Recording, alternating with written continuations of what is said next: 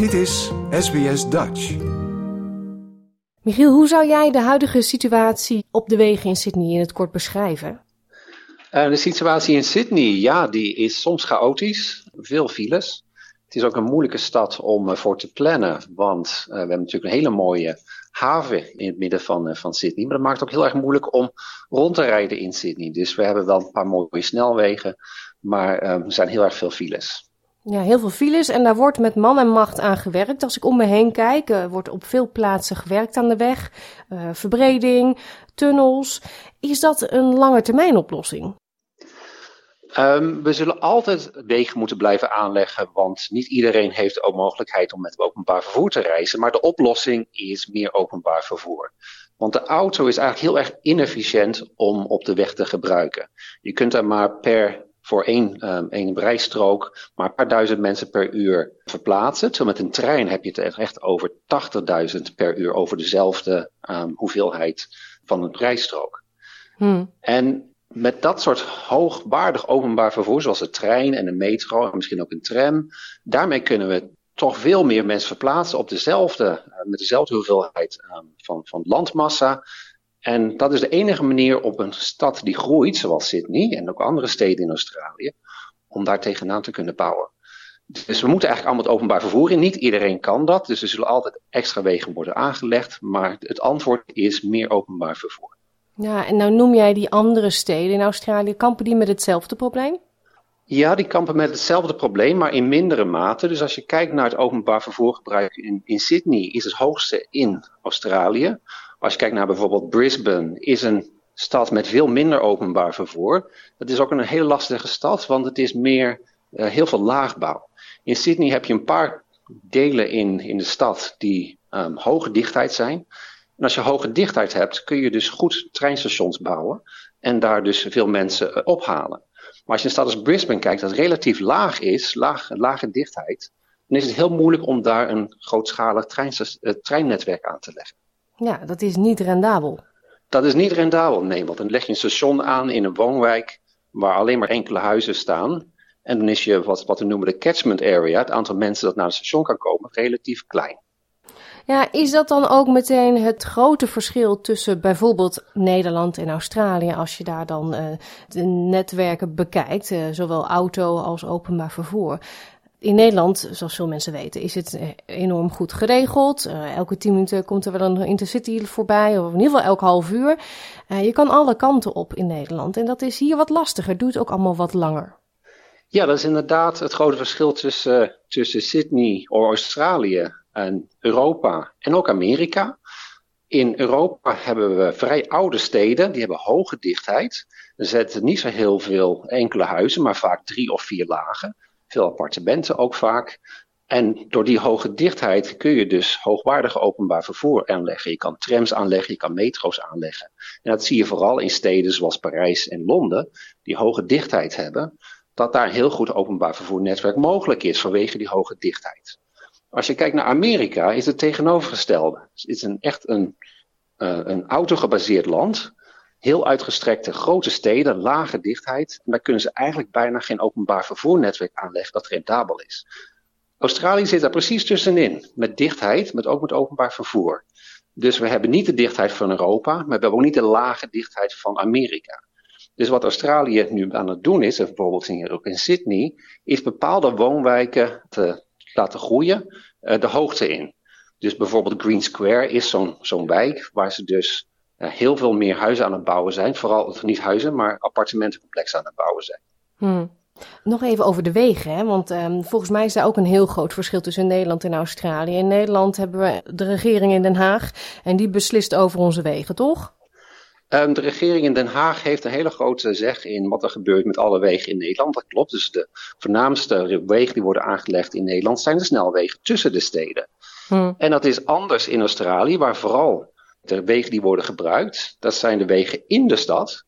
En die worden vooral beheerd, de grote wegen, zoals WestConnex die in Sydney hebben, door de staat. En de staat heeft dus de zeggenschap over waar de grote wegen worden aangelegd. Terwijl de lokale burgemeesters, die hebben de zeggenschap over bijvoorbeeld waar de fietspaden worden aangelegd. En we hebben ook nog een een federale overheid die een pot met geld heeft waar ze kunnen investeren bijvoorbeeld in wegen tussen de staat of de grote, de grote wegen die worden aangelegd in een staat. Hmm. En dat maakt het ook wel lastig, want die moeten allemaal met elkaar communiceren. En nu zijn het niet altijd met elkaar eens. Nee, en in verhouding heeft de staat dus heel veel macht. De staat heeft de meeste macht, die heeft ook het meeste, meeste geld, maar dat gaat vooral op naar openbaar vervoer. Terwijl de federale regering vaak geld ook inlegt voor de wegen. Ja, we hadden het dus net openbaar vervoer. In Nederland zie je toch ook vaak dat er um, een weg wordt aangelegd naar een PNR-gelegenheid. Uh, dus dat is een plek waar je auto kan parkeren. En dan stap je daar op de trein of de tram naar je bestemming. Um, waarom zien we dat hier niet? Ja, dat is een goede vraag. Want het zou hier prima kunnen. Um, het is toch iets wat bij veel mensen niet echt in het hoofd zit dat ze naar, naar een treinstation rijden om daar dan de trein te pakken. Het is hier veel normaler als ze eenmaal in de auto zitten, dan gaan ze naar de eindbestemming toe. Ik denk dat het deels komt doordat parkeren in Nederland heel erg ontmoedigd wordt. Dus op heel veel werkplekken is er heel erg beperkt parkeerplek beschikbaar. En daardoor moeten mensen vaak dan wel met de trein naar hun werk toe gaan. Terwijl hier zijn er heel veel parkeerplekken vaak toch nog bij de werkplek beschikbaar. En mensen kunnen dus daar met de auto heen. Dus ik denk dat ze twee dingen moeten doen. Misschien moeten ze kijken naar parkeerbeleid op de bestemmingen. Maar ook kijken naar de parkeergelegenheid bij de treinstations. Want die zijn er vaak nu ook niet. Hmm. En als we dan toch over de trein hebben, we pakken toch weer even Sydney als voorbeeld, want voor de Universiteit van Sydney, daar werk jij, dus dat is je werkgebied. We hebben Sydney, een hele grote stad, en dan heb je aan de bovenkant op 2,5 eh, uur rijden Newcastle en naar beneden heb je Wollongong, Kiama, die kant op. Als je vanuit die steden naar de stad wil, want dat kan natuurlijk ook een oplossing zijn, meer mensen buiten de stad laten wonen, dan duurt dat heel erg lang voor je in de stad aankomt. Terwijl je in Nederland eh, binnen twee uur en drie kwartier van Amsterdam naar Parijs reist. Ja, dat klopt helemaal. Het is echt een drama om vanuit vooral Newcastle naar Sydney te komen. Dat duurt drie uur per trein. Met de auto duurt het twee uur. Terwijl het in Nederland eigenlijk het omgekeerde is. Als je met de trein gaat, ben je doorgaans veel sneller dan met de auto. En dat komt omdat hier de, de treinen gewoon niet uh, geschikt zijn voor hoge snelheid te rijden. Daar zijn ze wel over aan het nadenken. En dat noemen ze dan fast rail, snelle trein. Geen hoge snelheidstrein, maar fast rail. En door de, bijvoorbeeld Newcastle te verbinden met Sydney en ook Wollongong met Sydney met door een fast rail, kan je de reistijd hopelijk heel veel verkorten. Dat het veel sneller wordt dan met de auto. En dan krijg je echt concurrentie met de auto. Maar die is er op dit moment niet. Nee, nee. Is dat iets omdat dus Australiërs zo vastgeplakt zitten aan die auto? Die, die willen ook niet in de trein? Ik denk dat sommige mensen wel willen, maar omdat het nu de, het alternatief openbaar vervoer zo slecht is, dat ze daar dus nu niet voor kiezen. Dus ik denk door meer investering in openbaar vervoer, maar ook hoogwaardig openbaar vervoer, dus heb ik niet over bussen, maar echt over trein en metro en snelle treinen. Ik denk dat we daar toch wel een heel groot verschil kunnen maken. Ja, um, nou is jouw werk om um, wiskundige voorspellingsmodellen te maken, om er hierop los te laten. Uh, wat zeggen die modellen jou? Wat is jouw oplossing? Ja, de modellen geven niet de oplossing, die geven meer het resultaat van oplossingen die andere mensen bedenken.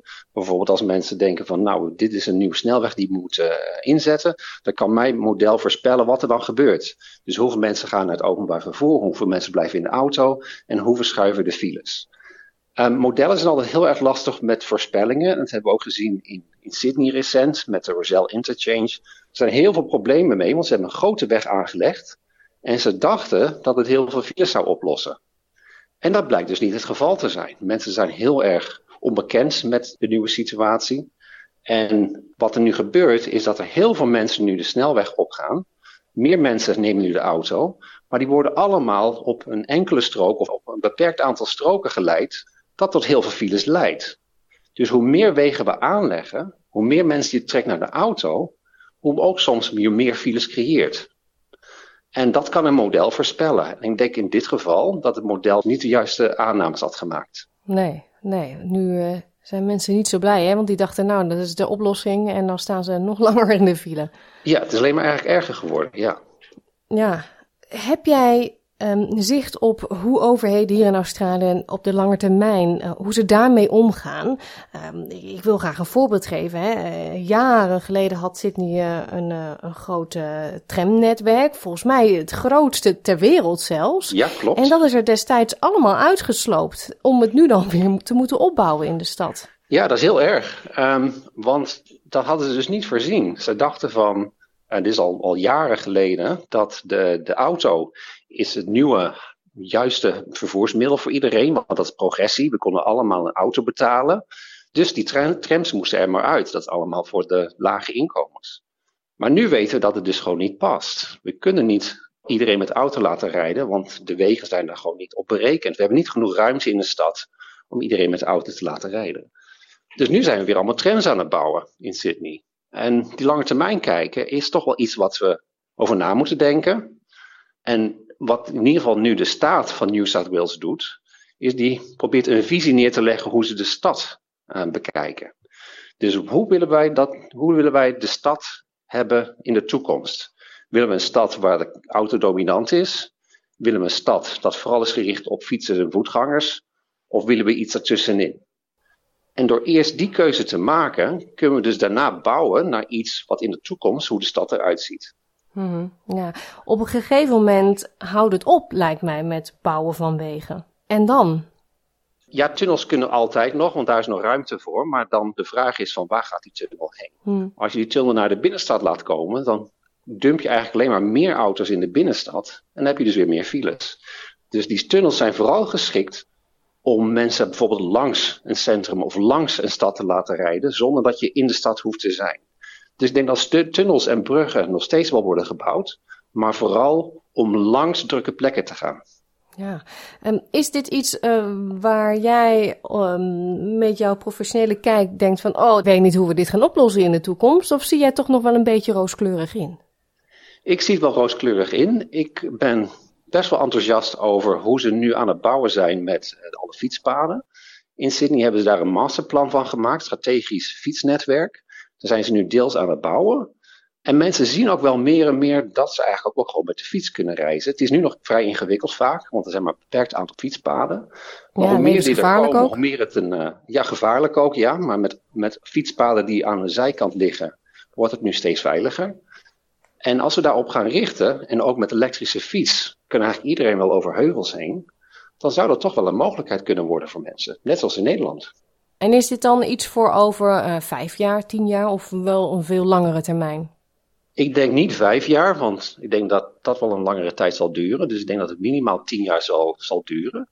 Um, maar dat zal niet de grote hoeveelheid van mensen zijn. De grote hoeveelheid van mensen zal, zal altijd de trein blijven. Het bouwen van de trein zal de meeste impact hebben en van metro. Ja. Nog één vraag, hè? persoonlijke interesse is dat. Want uh, nogmaals, Europa, lekker van Amsterdam naar uh, Parijs met de trein of naar Londen, Berlijn. Het is zo gefixt. Je zit relaxed en je gaat naar een mooie stad toe. Ik kan hier niet heel snel van Sydney naar Melbourne. Ja, dus hier is al jaren over gepraat in Australië. Heel veel mensen zeggen van waarom hebben we geen hoogsnelheidstrein van Sydney naar Melbourne ook naar Brisbane. En dat lijkt op het eerste gezicht wel heel erg logisch van waarom doen we dat niet? Want Um, er zijn heel veel mensen die in Sydney en Melbourne wonen en daar ook tussen reizen. Maar het is nog niet zo makkelijk om dat in Australië te doen. Want in Europa heb je dus tussen bijvoorbeeld Amsterdam en Parijs. En als je kijkt naar de afstand, afstand Sydney-Melbourne, is hetzelfde als Amsterdam-München. Dat is best wel ver. Daar zitten heel veel andere grote steden tussen. En doordat er heel veel grote steden tussen zitten, krijg je heel veel meer vraag naar die hoogsnelheidstrein. De hoogsnelheidstrein is niet alleen maar voor het eindpunt naar eindpunt. In Australië hebben we dat helemaal niet. We hebben geen grote steden tussen Melbourne en Sydney. Canberra is erg klein. Iets zoals Utrecht. Het blijkt eigenlijk dus niet echt rendabel te zijn om een hoogsnelheidstrein aan te leggen. Daarom is hij er ook nog niet. Nee. Waar ze dus naar kijken nu is op kortere afstanden een, een snellere reis aan te leggen.